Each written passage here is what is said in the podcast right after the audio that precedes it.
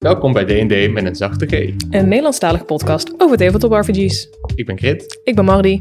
en vandaag hebben we het eindelijk over het OGL, oftewel Open Gaming License eh debakel. We spreken Tijn, de eigenaar van spellenwinkel Subcultures, en Rick Vechel van Vechel Fantasy. En daarna laten we jullie ook nog weten wat wij er nou allemaal van vinden. Vandaag geen extra segment, omdat het al een lange aflevering belooft te worden. Maar alsnog, veel luisterplezier.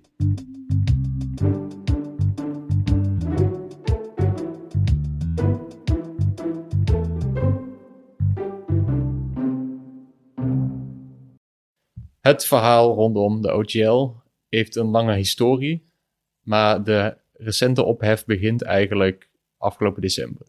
En dan wordt er een, eh, online een document gelekt. Die heet de OGL 1.1. Eh, en dat is een aanpassing van de OGL 1.0, die met de komst van 5th edition eh, opgesteld is. Die er eigenlijk voor zorgt dat eh, iedereen die daar zin in heeft, eh 5th edition compatible materiaal kan maken.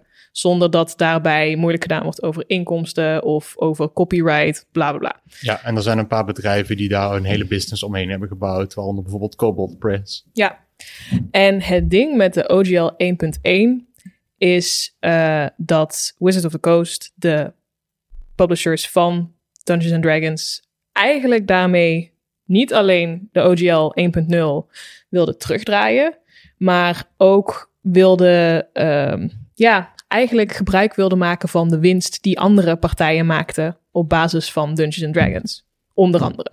Ja, en er stonden een paar best wel restrictieve clausules in, waaronder het eh, opgeven van eh, je recht om tegen te stribbelen als Wizards of the Coast jouw content wil publiceren in hun eigen materiaal. Ja, En ook eh, royalties die je zou moeten gaan betalen. Ja. Ehm, nou, er was best wel veel ophef, ophef over in de D&D-community. begrijpelijk moet ik zeggen. Waarop de manier waarop ze dit überhaupt afgehandeld hebben vanuit Wizards of the Coast en Hasbro zijnde was ook helemaal niet netjes. Nee, want ehm, eh, uit artikelen geschreven door Linda, Linda Codega, een gamejournalist, eh, bleek dat er meerdere mensen uit het veld eigenlijk zijn gevraagd om naar die OGL 1.1 te kijken. En eh, die mensen hebben een non-disclosure agreement moeten ondertekenen. Dat betekent dat ze dus eigenlijk niks mochten zeggen nadat ze dat document gezien hadden. En dat doe je niet met een document wat nog een concept is. Ja, ze hadden dat eigenlijk anders moeten aanpakken en mensen vanaf het begin al meer om input moeten vragen. En het niet, ja, dat het gelekt is, zodat ze niet blij mee zijn geweest. Maar ik, ik vraag me af of ze het op een subtielere manier hadden gedaan als het niet gelekt was. Ik denk dat het gewoon, het is sowieso een ontzettend onsubtiel proces natuurlijk. Want het hele doel was dat ze zoveel mogelijk van de winst die gemaakt wordt rondom tabletop RPG's naar zich toe wilden trekken. Daar kwam het op neer. En als een Hasbro kan ik me dat heel goed, laat maar zeggen, is het een logische keuze. Een logische keuze. Het is een financiële keuze die je daarin maakt. Ehm, maar ja, Ja. dat document, die, die, dat gelekte document dropte dus in december, eind december 2022. En daarna, eh, nou ja, grote ophef. Maar Wizards of the Coast heeft ruim een week lang niks van zich laten horen. En als er iets is wat je niet moet doen in crisiscommunicatie, Ja. is niet communiceren. Maar dit is ook eh, de reden dat we deze aflevering nu pas maken. Omdat Ja. er best wel veel drama en initiële overdreven reacties op waren. En wij dachten, wij gaan hier pas een item over maken als de storm overgewaaid is. en we, weten waar we aan toe zijn. wat er aan de hand is. Ja. Eh, dus ehm, dat. Dit verhaal heeft ook best wel een lange historie ook. eh, want het is niet de eerste keer dat ze... Ja, Zoiets proberen. Wizards, Wizards en Hasbro problemen hebben gehad met de OGL, de, de gaming license. Eh, want dit begint eigenlijk al bij eh, ja, de overname van eh, de originele makers van D&D. was het TSR? Tactical Studies Rules. Of they sue regularly. zoals ze vaak ook wel genoemd werden. Anyway, deze ehm, partij is overgenomen door Wizards of the Coast. En Wizards of the Coast is later weer overgenomen door Hasbro, een nog groter eh, speelgoedconcern. En daarbij is in die overname eh, door de originele makers, eh, waaronder oorspronkelijk Ryan Dancy, heeft ervoor gezorgd dat die OGL er is gekomen. Eh, waardoor Hasbro en Wizards of the Coast in een maag waren gesplitst met die licentie. Waardoor zij- Iedereen mocht doen waar hij zin in had met de content. ja, waardoor basically. iedereen gewoon gratis, zonder dat ze er iets mee konden doen, D&D content kon maken. Maar financieel gezien was dat toen helemaal geen gek idee. Omdat ze er eigenlijk op die manier ook voor zorgden dat er zoveel D&D-content beschikbaar werd. Dat eigenlijk iedereen die in aanraking kwam met tabletop RPG's... grootste kans dat ze dan direct met Dungeons and Dragons in Ja. aanraking kwamen. Waardoor, ja, mensen in eerste instantie met name geld aan Dungeons Dragons uit gingen geven. Dus financieel gezien was het helemaal niet zo'n gek idee ook. Ja. Dus En zoals in het eh, interview met eh, Rick Vechel, dat later in deze aflevering zit, eh, ook ten sprake kwam, was, ze hebben toen inderdaad deze voor hun een beetje shitty situatie gepakt en ze hebben er het beste van gemaakt. ja, En volgens is- mij hebben ze er iets heel goed van kunnen En maken. zij, het is heel goed uitgepakt, Ja. want ik denk dat D&D niet zo groot was geweest als ze dat niet hadden gedaan. Ja, van de community support. Maar toen, op een gegeven moment dachten ze, oké, misschien kunnen we hier toch meer geld uit, uit knijpen. En toen hebben ze, eh, na de hele succesvolle third edition van D&D, kwamen ze uit met 3.5 edition. Ja, Waarvan ze, net als wat ze nu zeggen over 1D&D, zeggen ze het gaat backwards compatible zijn. Dat betekent dat jouw 3.0 Stil, spul. content nog bruikbaar is met 3.5. Maar halverwege de ontwikkeling van 3.5 hebben ze een ommezwaai gemaakt. En toen was het opeens, al je 3.0 content is waardeloos. Eh, koop onze nieuwe boeken, want we hebben geld nodig. Ja, En ja, er zijn eh, mensen die ook bang zijn eh, dat ditzelfde aan het gebeuren is met 1D&D. ja, Omdat ze daar ook zeggen, het is nog backwards compatible met 5th edition. Je hoeft je 5th edition boeken niet weg te gooien. Want er zijn natuurlijk heel veel mensen die helemaal invested zijn Mhm. In 5th edition, omdat het echt al ja, Super, jaar ja. langer al het systeem van D&D Ja. is. En ook omdat 4th edition niet zo populair was. Dus Ja. denk ik dat de, als je D&D speelt, speel je nu 5th edition of Pathfinder. ja, En mooi bruggetje naar Pathfinder. Dat is dus wat er gebeurd is toen eh 3.5 uitkwam. En Paizo, een bedrijfje dat vroeger voor Wizards of the Coast eh, magazines maakte, was ontslagen door eh, Wizards of the Coast. Omdat ze dachten, eh, we gaan nu 3.5 maken. Het, dit was toch vier waarbij dat gebeurde? Ik had begrepen dat het bij vier was. Volgens mij was het 3.5. Maar het, het heeft een beetje voor, eh, verwoven, want het, het is een beetje 3.5 in de aanloop naar 4th edition. Ja, En toen heeft Paizo gezegd, wij maken Pathfinder als een eigen nieuwe versie op 3.5. ja, eh, zodat mensen dat kunnen blijven spelen en het is wel compatible met 3.0 content. ja, Eh, en daar, zijn, daar heb je dus die splitsing. En later is dus 4th edition uitgekomen, waarin ze helemaal eh, geen open license meer hadden bij Wizards of the Coast. nee.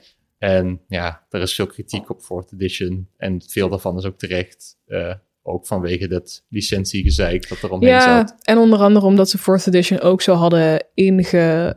Ja, eigenlijk zo hadden gebouwd dat het extra geld zou moeten opleveren... omdat je allerlei minis en allerlei extra dingen nodig hebt. En op zich, als je 5th edition of als je 3.5 speelt... als jij een notitieboekje hebt en je hebt een eh player's handbook, dan kan je gaan. Terwijl met 4th edition heb ik begrepen dat dat eigenlijk niet echt zo werkt. Ja, 4th edition is meer een miniature combat game met roleplay regels erop geslept. Ja, En dat was niet wat mensen toen wilden van D&D. Nee. En ja, dat is ook wel wat je een beetje met 1D&D zi- ziet. Is niet per se dat ze gaan voor de miniatures, maar ze gaan wel voor een hele hoop online content ook nog erbij. Waarvan je ook je twijfels, tenminste waar ik mijn tri- twijfels van Ja, heb. maar dat gaan we nog allemaal zien. En eh, tegen Ja. die tijd gaan we onze mening daar vast ook over verkondigen. Eh, maar nu, we staan dus nu weer op zo'n soort van ja, splitsing in de weg. Ja. Wat gaat er gebeuren? Ehm, uiteindelijk heeft dus die ja, terugslag van de, van de community van D&D. Mensen hebben een D&D Beyond licenties opgezegd. Eh, ja, eh, dat hebben ze gevoeld in de portemonnee. Toen Ja. hebben ze een ommezwaai gemaakt. En het, na een paar revisies van die OGL hebben ze gezegd... laat maar zitten. ja, Alles is nu Creative Commons public domain. ja, Wat wil zeggen eh, een echt onterugkeerbare open licentie... Voor altijd voor 5th edition content. ja.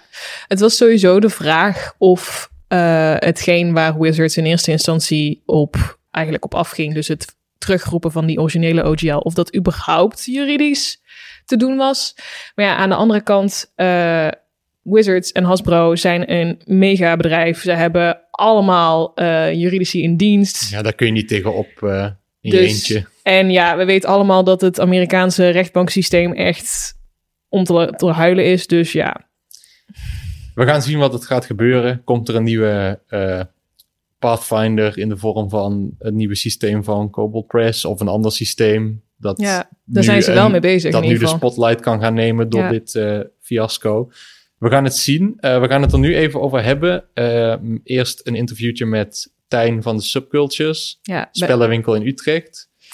En daarna een interviewtje met Rick Vechel van Vechel Fantasy, die dus eh, zelf content maakt voor 5th edition in het Nederlands. in het Nederlands. Eh, En, eh, en linkjes daarna is ook in de beschrijving van deze aflevering. Kleine waarschuwing. we hebben het interview met Tijn gehouden op hun wekelijkse RPG-avond. En ja, da- dat was al een klein beetje begonnen. Dus het is enigszins gemoerig. Dan weet je dat voordat we beginnen. Ja, erg leuk trouwens die spellenavond in Utrecht. Als je toevallig in de buurt bent op woensdagavond, ga erheen.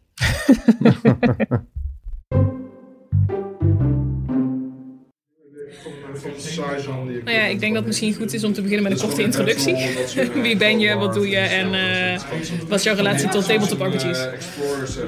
Eh, wie ben ik, wat doe ik, wat is mijn eh, relatie tot tabletop RPG's? Mijn naam is Tijn Rams. Ik ben eh, eigenaar nu van Subcultures, een spelletjeswinkel in Utrecht waar we redelijk specialiseren op rollenspel. Ehm, en rollenspel doe ik al lang verkopen. Eh, ik denk nu 33 jaar of zo. Ehm, en spelen ook iets van 37 jaar ondertussen. Voldoende ervaring dus. Ja, ja, ik wil mezelf geen deskundige noemen. eh, maar ik heb wel veel systemen voorbij zien komen en ehm, veel meegemaakt. Ook een beetje over de business meegemaakt natuurlijk. Ehm, ja, Oké. Nou ja, en de eerste vraag die we hadden is: wa- wat, vind, wat vinden jij, wat vinden jullie eh, als subcultures van het hele gebeuren rondom de OGL? Wat vind ik van het gebeuren over de OGL? Ehm, het verraste me een beetje toen eh, Hasbro opeens eh, met die OGL kwam en iedereen ging stijgeren. Omdat ze het al een keer eerder hebben geprobeerd bij de 4th edition. Ja. Ehm, nou was sowieso 4th edition wat mij betreft een, een no-go. Eh, toen ik het systeem zag, toen dacht ik al van... Of ik heb, ik heb het één keer gespeeld volgens mij. En toen dacht ik, nou dit, is echt eh, ridiculous. Want dit is gewoon World of Warcraft, maar dan als bordspel. eh, of als soort van roleplay sausje eroverheen of zo. Het, het werkte in ieder geval niet. En die feedback heb ik ze toen ook gegeven. Er was toevallig een representative van, ehm, van Hasbro die een tour door Nederland maakte. En die kwamen ook bij ons in de winkel. En toen heb ik ze die feedback gegeven van... eh, jongens, eh, we zijn hier godsnaam mee bezig. Want eh 3.5 was prima. En iedereen heeft heel veel boeken van jullie gekocht. Eh, waarom ga je in godsnaam een 4th edition doen die zo slecht is? Ehm, en kijk naar Pathfinder. Want die, ehm, die hebben toen gelijk een beta gedaan. Eh, we hebben zelfs de beta eh, als, als eh, eh, in de winkel gehad toen de tijd. Eh, en die deden dat heel goed. Ze namen gelijk de feedback van de spelers mee. Hebben gelijk toen de, de, de Pathfinder ehm eh, core rules uitgebracht. En eh, die hebben eigenlijk 3.75 gemaakt. Ja. Ehm, en die, die waren echt de markt aan het veroveren op dat moment. En ik denk dat Hasbro toen heel erg eh, is gaan uh, soul searchen. En eh, uiteindelijk dus is gekomen met 5th edition, die heel erg over roleplay ging. Ik hoop dat mijn, mijn woorden daar een beetje eh, aan toege, eh, eh, aan bijgedragen hebben. Maar ehm, ik denk dat ze de feedback van meerdere mensen hebben gehad, Ja. had ik zo zeggen. Ja, ja. De 4th edition was echt een no-go. Was gewoon niet eens echt een roleplaying game. wat mij Nee.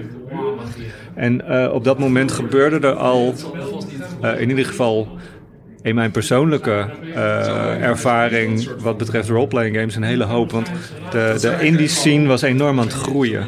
Eh, er kwamen steeds meer independently produced roleplaying games. welk jaar hebben we het nu? Ik heb hier ook gewoon... Ongeveer God, jeez. 2010 of zo. Ja, zoiets. Ja, denk het wel. Toen ben ik begonnen met 4th edition. Ja, ja, ja. Deze. Ja, en- kaart noemt hem de Holy Barbecue. Ik had ervaring. Wij zijn ooit begonnen met eh, First Edition en de D&D Redbox. En al heel snel kwam toen Second Edition uit. En we hebben toen heel actief Second Edition gespeeld.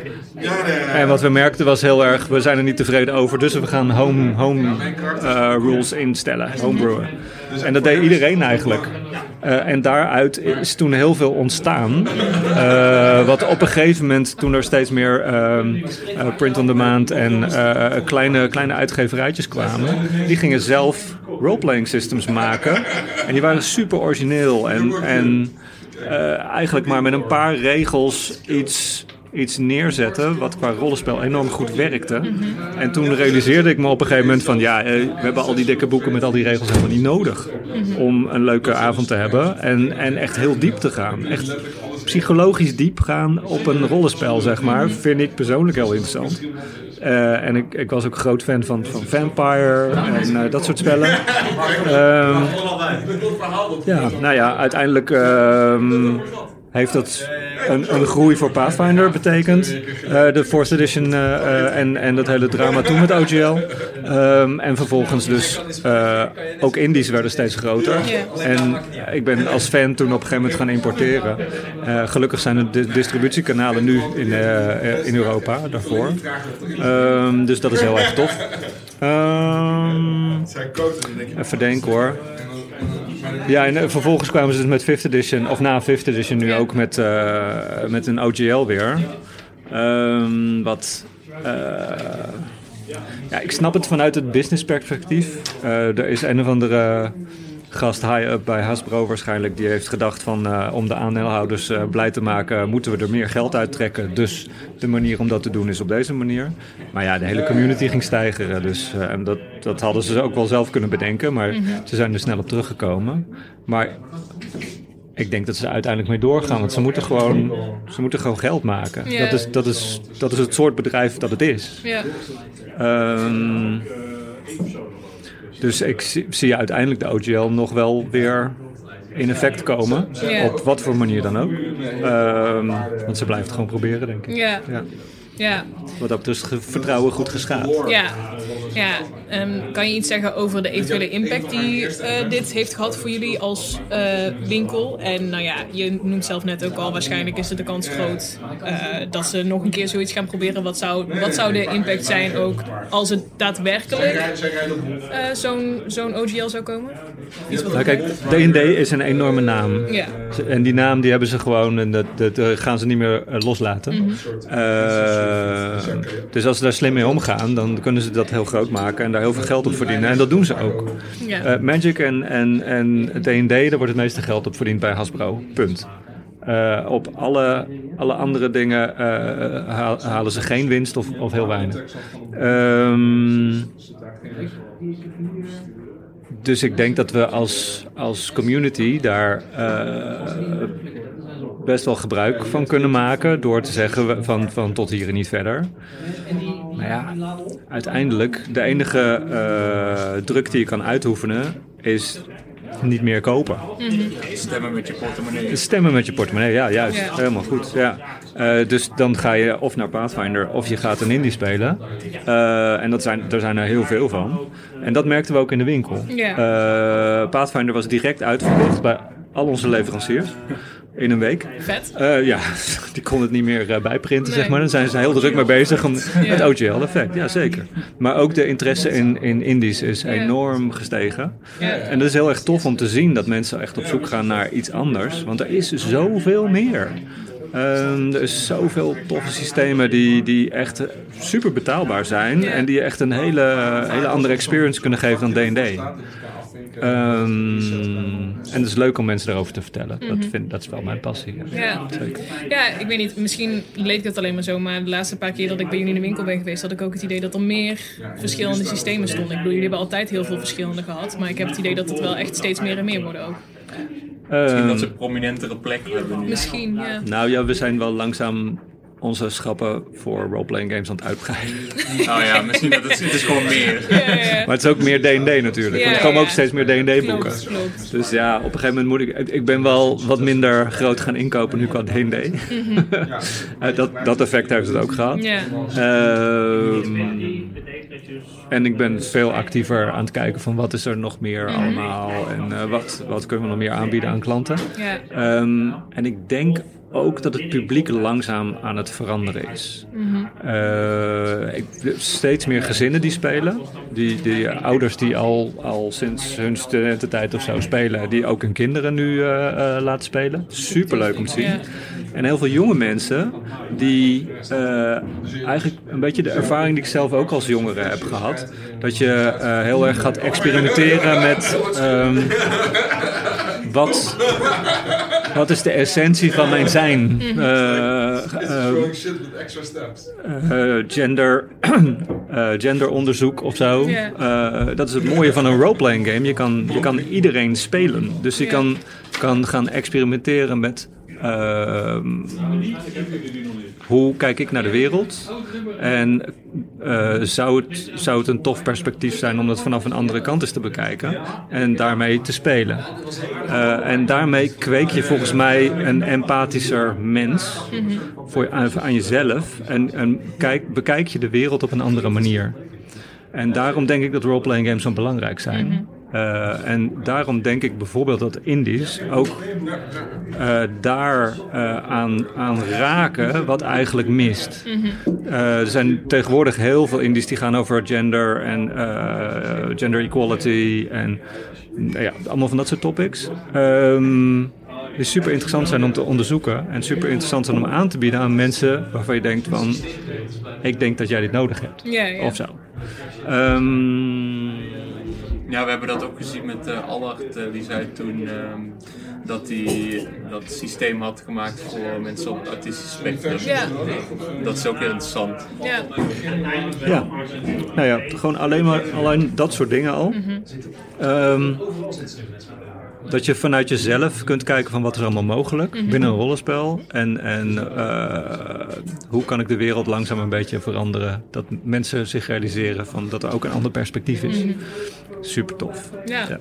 En het imago van D&D is inderdaad wel echt zichtbaar aan het veranderen. Ja. Zeker. Want zeker. ik heb best wel veel mensen die nu naar mij toe komen van... Ik Krit, jij deed vroeger iets met D&D en toen dacht ik dat het voor nerd was. Maar nu is het cool, dus ik wil het een keer proberen. Ik zeg, oké, ja, kom maar. Je bent welkom. Ja. Ja, ja, dat Ik is... heb laatst op een borrel heb ik ook een half uur lopen praten over D&D of zo. En op een gegeven moment halverwege zei van... Maar ja, ik ben nu al de tijd, heel de tijd aan het praten. Misschien gaat het over een... Nee, nee, nee, we willen meer weten. Ik zo, Oké. oké, is goed. Hangen aan je lippen, ja. Ja, Ja, ja. zeker. Nee, tof. Ik denk dat we de laatste vraag al een klein beetje eh, aangeraakt hebben. Oh, Namelijk, hoe zie jij de toekomst van Tabletop RPG? Wat zou je graag in die toekomst willen zien? Nou ja, dit. Ja. Ja, ja, zeker meer van dit. Ja. Ehm, er komt nu zoveel uit wat interessant is. Ik, ja, ehm,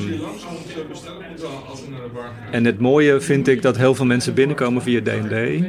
Ehm, Is de gateway drug. Het is, ja. ja het, is- het is gewoon het meest toegankelijke en, en eh, Critical Role en zo. Weet je, er is zoveel content om je helemaal enthousiast te maken. Ehm, en dat is hele mooie content. Eh, maar ik denk dat als, als je je als mens wil ontwikkelen, dat er zoveel meer is. Ehm, ja, ik denk, ik denk dat, dat, dat dat heel tof is om, om te zien waar het allemaal heen gaat. Ja, ik, ik, ja je, je ziet heel veel jongelui die dan eh, binnenkomen, eerste sessie, één setje dobbelstenen, dan op een gegeven moment Dice Goblin worden, eh 20.000 setjes thuis hebben. De classic. En, en dan, maar dan op een gegeven moment ook zich gaan verdiepen eh, via rollenspel in, in andere opties. En Ja. ja. ik denk dat daar wat mij betreft de passie ligt voor educatie. Om te laten zien, er is zoveel meer. En eh, dit zijn alle, dit is het spectrum, zeg Ja, maar. ja, en En wat- wat kan je leren D&D is maar een heel Ja. klein stukje daarvan. Ja. Ondanks alle 20.000 verschillende eh, eh, rollen- eh, regelboeken. Ja, en dobbelstenen. En dobbelstenen. Ja. Cool. Ja. Ik heb nog wel een bonus. Oh ja, een bonusvraag. Oh, kom op. Wat voor systeem is op dit moment je favoriet? Het is een hele moeilijke vraag. Je mag, ook een, je mag ook een top 3 noemen of een, je, je drie favorieten. Ehm, nou, op het moment speel ik dus Muisritter. Eh, en eh, dat vind ik heel erg leuk. Heel toegankelijk. Ehm, en, en, en super tactiel. Het is echt een tactiel systeem. Eh, je, zit met kleine countertjes en dat moet je dan allemaal op een klein, klein en zo. Het is heel mousy op de een of andere manier. Het is heel knap gedaan.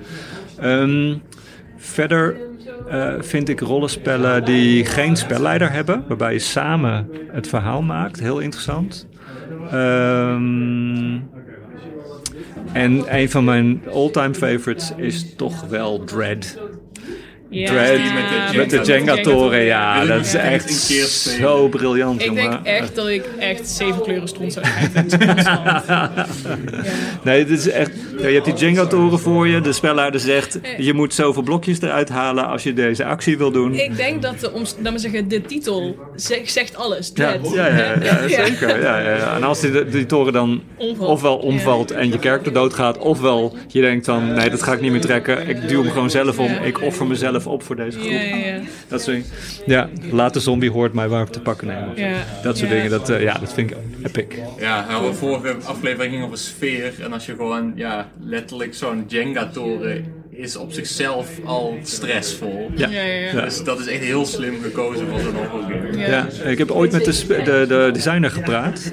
En die gast is helemaal. eh, ja, het is echt een personage aan zich. eh Epidaya, Epi noemt hij zichzelf. Epi Ravagol. Eh, het is een hele gekke Amerikaan.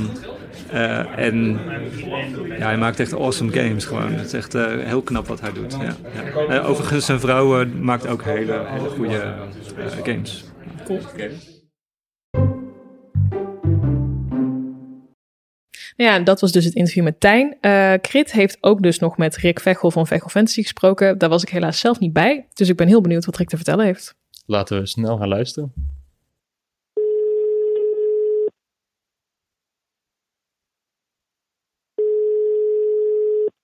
Goedemorgen. Eh, Goedemorgen. welkom in, eh, in deze aflevering. Eh, zou je kunnen beginnen met jezelf kort voorstellen? Ja, tuurlijk. Hallo, mijn naam is Rick Vechel. Eh, ik ben het gezicht van and Dutch, een Nederlandstalige uitleg voor Dungeons Dragons 5th Edition. Eh, en ik heb een eigen avonturenhandboek uitgebracht. Eigenlijk een soort van D&D stepping stone om kinderen vanaf 6 jaar ook in deze TTRPG-space te krijgen. En voor de rest, ja goed, eh, ik heb een baard, ik heb een zoontje. Hoe in Limburg, dat hoort te horen met met de zachte G. Maar dat komt in deze podcast mooi uit. Ja, ik wilde net zeggen, dat is helemaal on-brand voor de podcast. Je hebt zelf eh, inderdaad dingen uitgebracht voor D&D, eh, voornamelijk 5th edition, toch? Eh, ja, ik heb ook een heleboel third edition dingen gemaakt. Maar daar hebben we het over een goede 15 jaar terug. Ja, dus je speelt ook al heel lang. Ja, sinds mijn dertiende ben ik geïntroduceerd door een, een vader van een vriend van mij. Die had de Dungeons Dragons Starter set gekocht, de derde editie. Een supercoole frontenstad. Eh en hij dacht dat er een Warhammer iets was. Dat bleek niet zo te zijn, dus zei tegen zijn zoon, veel plezier ermee. En dat is het begin van, van mijn D&D-reis. Ehm, een paar, een paar jaar eruit geweest ben door aan het studeren. Gewoon op 4th edition gemist. Toen kwam ik later pas achter, met alle haat die het met zich meenam. Eh, en toen ben ik 5th edition eh, weer hard van slag gegaan. En toen ook met D and Dutch. Oké, cool. Ehm, maar het interview gaat ons natuurlijk over de, het, ja, eigenlijk het hele gebeuren rondom de OGL, de Open Game License. Ja, oh man, dat Is- was een storm. zult er zelf ongetwijfeld veel mee bezig zijn geweest als eh, ja, iemand die zelf ook content maakt voor eh, D&D. Eh, dus ik ga gelijk even naar de eerste vraag. Eh, hoe, heb je, hoe heb je dit ervaren, de OGL oorspronkelijk? En eh, wat, wat was jouw mening daarover? Ja, goed. to- ehm, en misschien voor het gemak. Ik ben allereerst al verbaasd dat een, een spel zoals Dungeons Dragons de Open Game License überhaupt heeft. Je hebt niet vaak dat je een, eh, een bedrijf hebt dat in principe zegt: hier zijn de regels, doe ermee wat je wilt. Nou, de meeste mods, ook bij videogame bijvoorbeeld, zijn niet. ehm, ja, die zijn er niet gewoon standaard. Die, niet, ja, die maken mensen zelfstandig met een hack of iets dergelijks. Eh, dus dat überhaupt kon, is al een godsend aan zich. En toegeven, het heeft ook gezorgd dat Dungeons Dragons de grootste boardgame en roleplaying game geworden is ter wereld. Maar goed, toen kwam dit en ik, ik wist dat ze al eerder hadden geprobeerd om, dat, om daar iets meer eh, van af te komen. Ja, met Eh, 4th edition. ja, met Fourth inderdaad, maar ook bij 3.5 was er al wat gemormerd toen de tijd. Uh, dus dat, dat heeft wel heel veel voet in de aarde. En toen kwamen ze hiermee, en op zich, uh, de manier waarop is gewoon ontzettend lomp. Als we gaan, als je voor een, opleiding commerciële economie bijvoorbeeld, is al hiervan echt wel het exacte voorbeeld gepakt van, dit doe je niet als je klantenbinding wil behouden. Dit wordt een enorme mooie business case uh, om daar eens een keer in te duiken in, in, zo'n opleidingen. Um, maar goed, het was uh, uiteindelijk een grote storm in een glas water. Uh, maar ik denk dat het ook wel het einde is van 5th edition as we know it.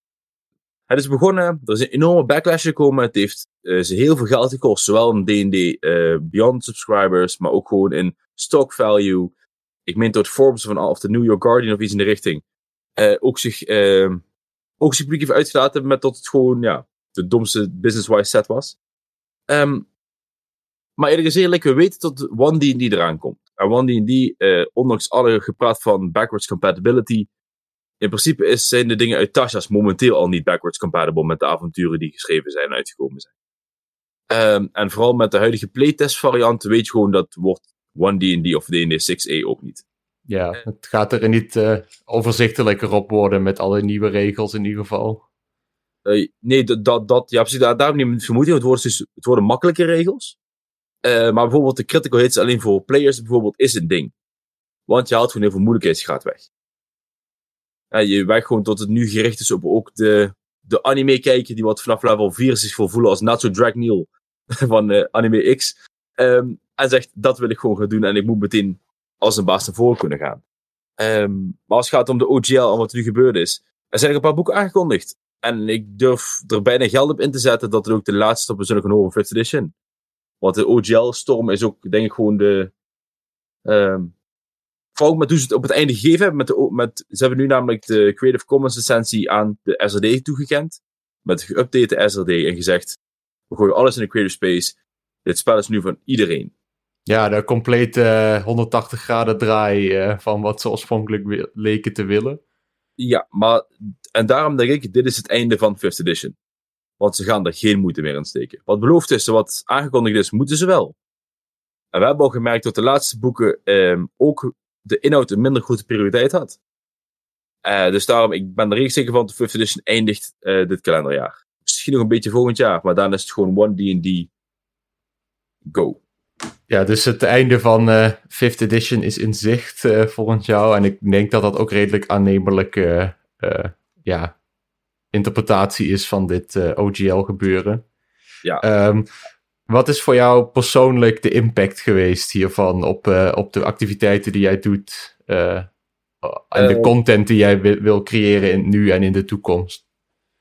Ik, ik bekennen, ik heb, in het begin heb ik gewoon vooral even gericht met, wat is er aan de hand? En, want heel veel OGL-nieuws dat er buiten kwam, was, hoe zeg ik het netjes, Amerikaans op zijn best. Of toch heel erg prekerig, heel erg wij weten het beter. Ah ja, friends in high place. Uh, dat is ons allemaal. En heel erg um, een interpretatie doorvoeren alsof het feiten zijn. En ik heb zelf heb ik een paar OGL-video's gemaakt, wat me als impact een paar nieuwe abonnees opgeleverd. Altijd mooi. Uh, maar voornamelijk wilde ik even gewoon even de, de, de, een grounded aspect aangeven. Oké, okay, wat is nou de hand? Wat zeggen ze nou allemaal? En wat zijn er feiten? Want ik kan niet zoveel met een een uh, screenshot van een mailtje zonder naam en zonder aanhef. Waar ze zeggen, ja, ik werk bij WOTC en dit en dit is gaande met 10 spelfouten de eerste twee regels. Uh, dat, dat, daar kun je niet zoveel mee in, in die space. Ja. Dus ik ben vooral even kijken, wat is er nou echt aan de hand? En op zich, een deel van wat de nieuwe OGL wil doen, snapte ik volledig. Uh, ik vind het, ik heb oprecht toen zelf D&D-content gemaakt, heb ik me altijd verbaasd dat ik geen royalties hoefde te betalen. Als ik iemand vraagt voor artwork te maken, ook de avontuurhandboek, de cover die Vlotte Schoon is gemaakt, super vet. En dus gewoon, daar hoort ze geld voor te krijgen. En dan hebben we een royalty-contract, zoals het hoort. Uh, maar dat ik nooit eens een behoefte afdragen aan WTC heb ik nooit gesnapt. Dragen is wel bij de eerste updates dus dat juist eruit gehaald hebben, terwijl daar de minste moeite mee was. Want we weten gewoon, WTC is een bedrijf, die moeten gewoon geld binnenhalen, die hebben aandeelhouders. Hasbro zit erachter. En bedrijven doen niks voor niks. Ja, en voor jouzelf, uh, blijf jij D&D content maken voor 5th edition? Of wacht je even af of er meer duidelijkheid komt over uh, de 6th edition of 1D&D? Of uh, ben je aan het kijken naar andere systemen? hoe heb je dat zelf als content creator nu voor je? ik moet eerlijk bekennen, ik heb eh, via onder andere Patreon geef ik elke maand eh, wat, wat documenten uit. En daar heb ik echt even een stop op gezet bij de jaarwisseling. In het kader van wat gebeurt er allemaal. Eh, want het licentie wat, wat je hebt met Wizard of the Coast, die is eenzijdig. Je hoeft niks te tekenen, er is geen contract. Dus eh dat zou je kunnen veranderen, eenzijdig, kan in principe. Dus ik heb wel even de rem getrapt. Ik wil wel gewoon dingen blijven maken. Maar het heeft me vooral even stopgelegd, want eh, al mijn D&D kinderavonturen krijgen een 5th edition toelage. Dus dat je ook de D&D voor kinderen spelen, ook s'avonds een keer spelen met je eigen vrienden, zal ik maar zeggen.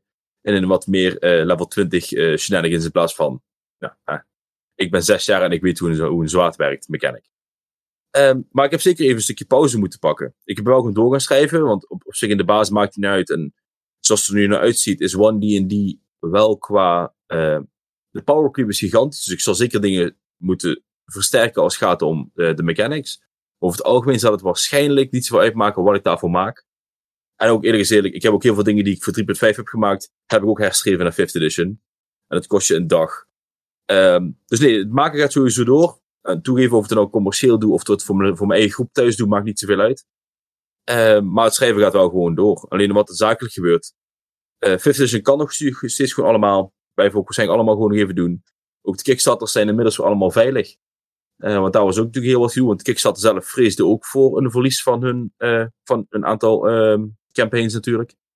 En al die campaigns die uitgegeven worden via eh, eh, Kickstarter. Ja, dat is eh, niet insignificant hoeveelheid. Nee. Vooral ook met al die dingen van, van die grote streams tegenwoordig is dat best populair.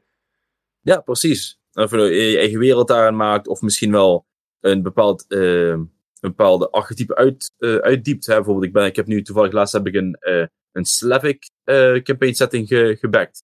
Omdat ik gewoon reuze benieuwd ben naar die lore wat erachter zit. En heel veel podcasts zijn leuk, maar als iemand toevallig al dat werk gedaan heeft, toppie. Scheelt mij een heleboel werk. Ja. Dan lekker richting mijn eigen vikingen. maar die, dit soort content is gewoon ook gezond voor het ecosysteem van D&D. Ik denk dat ze zich dat ook gerealiseerd hebben met die eh ommezwaai naar de Creative Commons inderdaad. Dat, eh, dat ze eigenlijk vallen en staan bij hun eh, community. Ik, ik, ik heb daar wat. ik ben daar reuze benieuwd naar. En niet in negatieve zin. Maar het is natuurlijk wel zo. ehm, TSR is overgenomen door Wizard of the Coast ergens rond de eeuwwissel. Of de millenniumwissel. Ehm, en een van de dingen die wat, eh, wat ik heb vernomen in de, in de wandelgangen, zou ik maar zeggen, van de diepste kocht van het internet, is tot eh Gary Gygax wilde echt niet verkopen aan Hasbro. Ja, Maar Wizard of the Coast kwam in het beeld en zegt, ja, wij kunnen je wel helpen, komt helemaal goed, we zijn een zelfstandig bedrijf. Maar schijnbaar lag daar een overeenkomst dat als Wizard of the Coast TSR zou binnenhengelen en daarmee Dungeons and Dragons, dan zouden ze eh, door Hasbro een offer you can't refuse krijgen om ook met hun mee te gaan in de huidige vorm, hoe ze nu eruit zien. Ehm, toen dat gebeurde is, heeft Gygax op zijn, een van zijn laatste dingen, heeft hij de D20 eh rule set de, eh, gewoon de wereld ingeflikkerd. Nou, toen dat gebeurde, en eh Wizard of Coast was gebonden aan een contract, dus die moest overnemen. Dus ze waren niet eigendom van Dungeons Dragons. Maar hadden wel de erfenis dat de D20-regels oud en niet open waren. Toen is de eerste Open Gaming License überhaupt gekomen. En ze kunnen heel mooi zeggen, ja, dit is bedacht door eh, Ryan, ben zijn achternaam even kwijt, eh, want hij wilde het open source model van eh computergames napakken daarvoor. Maar dat is nooit de reden geweest. De reden kwam er simpelweg uit, de ruleset ligt er buiten. It's a shit hand you've been dealt. Gewoon door onderlinge steken onder water in bedrijfsovernames. Wat gaan we nu doen? En toen heeft VTC gezegd, nou weet je wat, in dat geval laten ze in ieder geval aan ons binnen tot ze ons als basisgame pakken. En tot we daardoor de grootste worden, want iedereen kan bij ons wat doen zonder een nieuwe regelset te hoeven leren. En het stomme is, dat exact is nu aan het gebeuren, nu al die shit van deze OGL gebeurd is. Door een enorme boze online menigte hebben we dadelijk 20 systemen opnieuw te mogen leren, voordat we een andere setting of een nieuw karakteridee kunnen proberen. En persoonlijk, dat vind ik echt het meest pijnlijke aan de hele situatie wat we nu gekregen hebben. ja dus jij vindt het de versplintering juist een negatief iets. Ja, absoluut. Ik, ik, hè, als ik kijk naar gewoon naar een paar makers. Ik heb gevolgd, je hebt natuurlijk Operation Black Flag van eh Cobble Press, die wat eh, uiteindelijk nu best wel tegen lijkt te vallen. Het is gewoon een copy-paste van de SRD, die wat ze nu zelf gaan uitgeven. Daar komt het eigenlijk op neer. In plaats van een eigen gameset. Ja, ik heb me Ehm. daar nog niet te veel in verdiept, maar eh, ja. Ja, bij mij horen dat te wachten dan erbij. En ik, ik, ik zit ook in de playtestgroep, dus dat, eh, dat maakt het allemaal iets makkelijker. Eh Pia is natuurlijk Pathfinder, die is gebouwd op de OGL. Die was natuurlijk, ja, die was terecht bang, want als de OGL zou komen te vallen, is heel Piazzo en heel eh, Pathfinder naar de Filistijnen. Ja, en eh. Pathfinder was origineel ook een reactie op de eerste OGL eh, aanpassing die ze wilden doen met 4th edition. Ja, Piazzo was al iets ouder, want Ja. zij hebben 3.75 gemaakt. Zo, even om, nou, Pathfinder 1 is gewoon 3.75. Ja, Ehm. klopt. Maar die zijn uiteindelijk toen afgesplitst van eh 3.5 inderdaad in die vooravond van 4th edition, als ik het goed begrijp. Ja, want uh, 4th edition moest eh, laagdrempeliger zijn, moest makkelijker zijn. Eh, en de jaren 80 geeks wilden gewoon hun number crunchers. Dat zijn Warhammer mensen. Die willen niet makkelijker. Warhammer heeft toch nooit iets voor zijn leven makkelijker gemaakt. Inclusief het painten van minis. Eh, met alle, alle nieuwe dingen. Dus jaloers maken het mooi, hoor, daar niet van. Maar je merkt wel dat daar wel een, een verschil gewoon in speelstijl in zit. En, en welke doelgroep ze aanspreken. Eh, maar ja, die versplintering. eh, een Dungeon Master Dave gaat die voor een deel naar Morgborg. Is ook met zijn eigen Helkara bezig. Eh, en zo heb je nog wel een stuk of zes, zeven ehm, projecten die alle kanten op het slingeren zijn. Ehm, en ik weet gewoon, we gaan daar spelers aan verliezen, want niemand gaat drie systemen naast elkaar leren voor een one-shot ernaast. De kracht van Dungeons Dragons lag wat mij betreft vooral in het doe lekker mee en iets met vikingen, dan doen we voornamelijk iets met vikingen. Wil je doen met, eh, ik veel, de jaren 20, dan doen we dat in de jaren 20. Ondersteunen voor de jaren 20 ook bijvoorbeeld een Call of Cthulhu is, wat een veel beter systeem is voor de jaren. Eh, want je hebt natuurlijk heel sterk de hero fantasy in Dungeons and Dragons. Ehm, maar nu is het echt gewoon tot de community op het bot versplinterd gaat raken. Dat vind ik oprecht heel jammer. Ja, maar de, je hebt het dan dus niet over de versplintering tussen eh, verschillende genres. Want het lijkt mij, in mijn mening, is het best wel een dom idee om een, om een Cosmic Horror jaren 20 campaign in 5th edition te gaan doen als systems zoals Call of Cthulhu er al zijn. Maar Ja, maar juist de kracht staat dat je niks hoeft te leren. Dat is waar een heel groot deel van het, van het gemak en ook waardoor Dungeons Dragons zo groot geworden is, is gewoon simpelweg, je hebt je D20, wees welkom, we kunnen alles. ja, het is het, het, ook het, het- omdat het ook het instappunt is voor veel nieuwe spelers. eh, dat is het wel makkelijk als... als, iedereen hetzelfde speelt. Eh, maar voor de diversiteit in het landschap is het dan weer minder. Maar dat, eh, Ja. Ja, dat is zeker weten waar. Ja, klopt. En ik zie D&D ook dan meer als een soort van gateway drug, om het zo even te zeggen. Ehm, en je moet ergens beginnen, dus dan, dan eh, is D&D je eerste startpunt. Ehm, maar ik ben wel bang dat we de stappen nu een voordeel gaan verliezen. ja, dat mensen straks eh, niet meer weten waar ze de hobby in moeten komen, omdat er te veel opties zijn. eh. Of dat je natuurlijk in elke andere spellenwinkel met een ander geprefereerd systeem gaat werken. En tot, tot dat ook allemaal niet meer, dat dat niet meer één community snel wordt, zal ik maar zeggen. En zie je het zo, de Dungeons Dragons Facebookgroepen zijn vele malen groter dan de tabletop gaming groepen. Ja. En eh, hoe ziet het eh, voor jou betreft de toekomst van eh, tabletop RPG's, of met name, in, want dat dat jouw specialiteit is, Dungeons Dragons-achtige systemen daaruit? Ja goed, we gaan nu waarschijnlijk een paar jaar in waar een enorme wildgroei aan systemen komt. Ehm, en die, degene die het eerste daar een community mee mee te bouwen, die zal blijven bestaan. En voor de rest zal alles een stille dood sterven. Ehm, geef het een paar jaar en er zal misschien dat er wel een soort van top 3 is. Dus heb je dan Dungeons Dragons en twee andere, want Dungeons Dragons is gewoon al te groot. En ook met de, de rest van hun marketing. Eh, zie je de nieuwe film die dadelijk uitkomt, eh, de, eh, over, over, nu we aan het praten zijn eh, over een weekje. Ja. Ehm, zie je de, de merch die zelfs bij Large tegenwoordig te krijgen is met de D20 Dragon dobbelstenen, weet ik wat allemaal. Ehm, dus zal Dungeons Dragons zijn met waarschijnlijk twee à drie andere. Pathfinder waarschijnlijk blijft nog wel bestaan, want die heeft ook wel een grote following.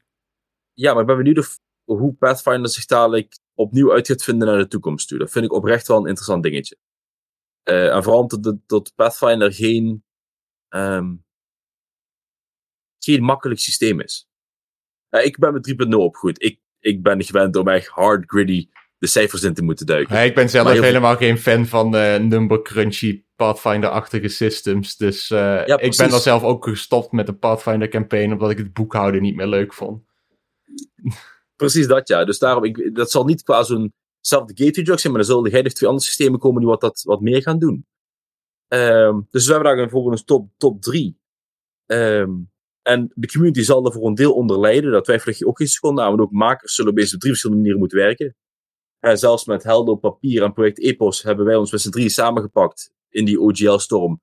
Met als we iets gaan doen, gaan we als D&D Nederland in godsnaam hetzelfde doen. Want als project Epos overstapt naar Pathfinder, Helder papier naar Morgborg.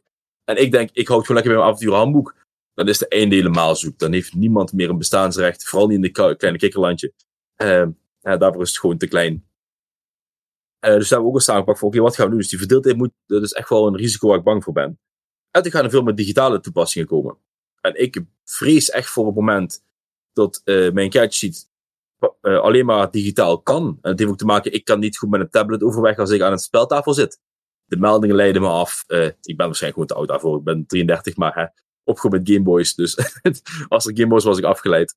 Um, dus ik ben, dus het zal veel meer digitaal worden. Los van de dobbelstenen, want ze kunnen zoveel dice generators maken. Maar goblins zullen goblins. Um, en met hun 100 D20 zakjes. Um, dus nee, er zal veel meer digitaal zijn. We zullen een top 3 systemen overhouden. En ik ben heel benieuwd wat dat gaat worden. Ja, ik denk dat we over een jaar of tien weer terug zijn naar één of twee systemen. En tot dan opeens weer tabletop weer het ding is. Dus ook met nu uh, onderwijs, uh, heel veel moest digitaal. En nu langzamerhand, nee, we gaan toch weer terug naar een stukje fysiek. Ja, dat, ja dat, dat zeiden we toen ook al, ja. Dat schrijfvaardigheid is niet veel achteruit gegaan. Maar ja, is goed. Je tien jaar kinderen vinden we prima.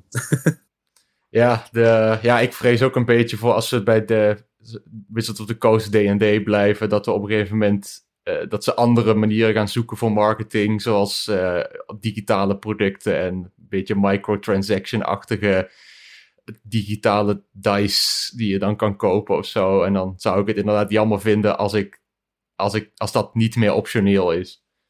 Zoals je zelf ook aangeeft, dat is voor, voor niet iedereen is dat de oplossing. Nee, precies. En natuurlijk, heel eerlijk, als ze uh, layout dingen gaan verkopen voor D&D Beyond, doe je ding. Maak jij een nieuwe skin voor je, voor je D&D Beyond layout of nieuwe dice sets, superleuk, doen. Ik ben vooral bang als daar een speler aankomt, ik heb net even voor 5 euro een healing potion gekocht, die wil ik nu graag gebruiken in mijn bonusactie. als dat moment aankomt, dan ga ik of ik, ik ga ontredderd naar buiten, ik val stil en ik loop naar buiten toe en ik loop de regen en ik ben, ben weg. Of het is full rage table flip, even de twee. Ja, wacht even jongens. Uh, ik, ik moet even wat meer uh, anti-dragon arrows bestellen op D&D Beyond. en wat verwacht ja, je dan dat er in het spel opeens een uil komt aanvliegen met jouw potion of zo? het zou me niet verbazen.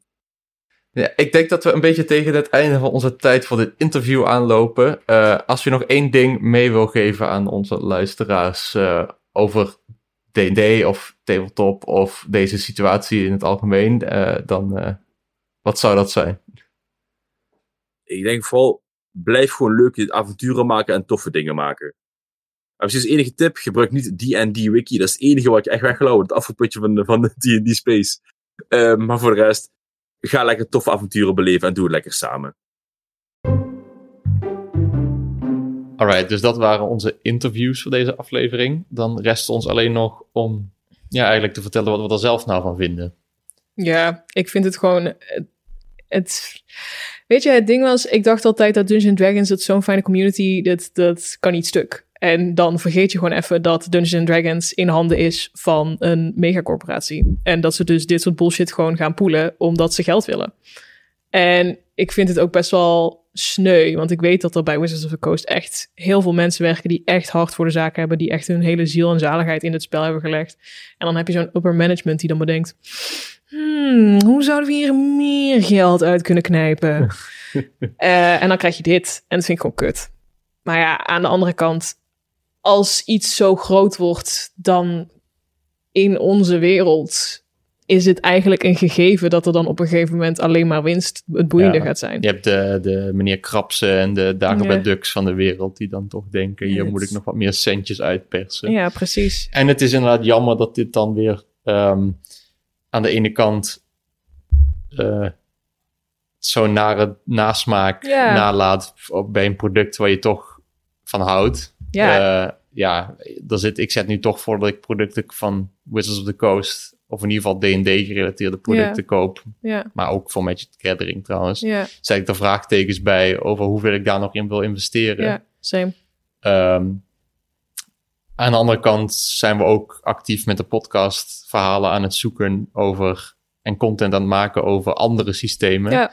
Dus ik vind het ook goed dat het mensen wakker heeft gemaakt om dat te kijken andere naar, zijn. naar andere systemen, Ja. zoals in het interview met Tijn ook naar boven kwam. Ja, Uh, want ik ben als fan van heel veel verschillende systemen ontdekken en zelfs als dat niet je je ding is, kan het wel perspectief geven om gewoon een keer mee te spelen met iets wat niet Dungeons and Dragons is. Want Ja. er is zoveel. Ja, helemaal eens. En er zijn ook, ik denk dat er, ehm, daar heb ik, had ik het laatst met vrienden over.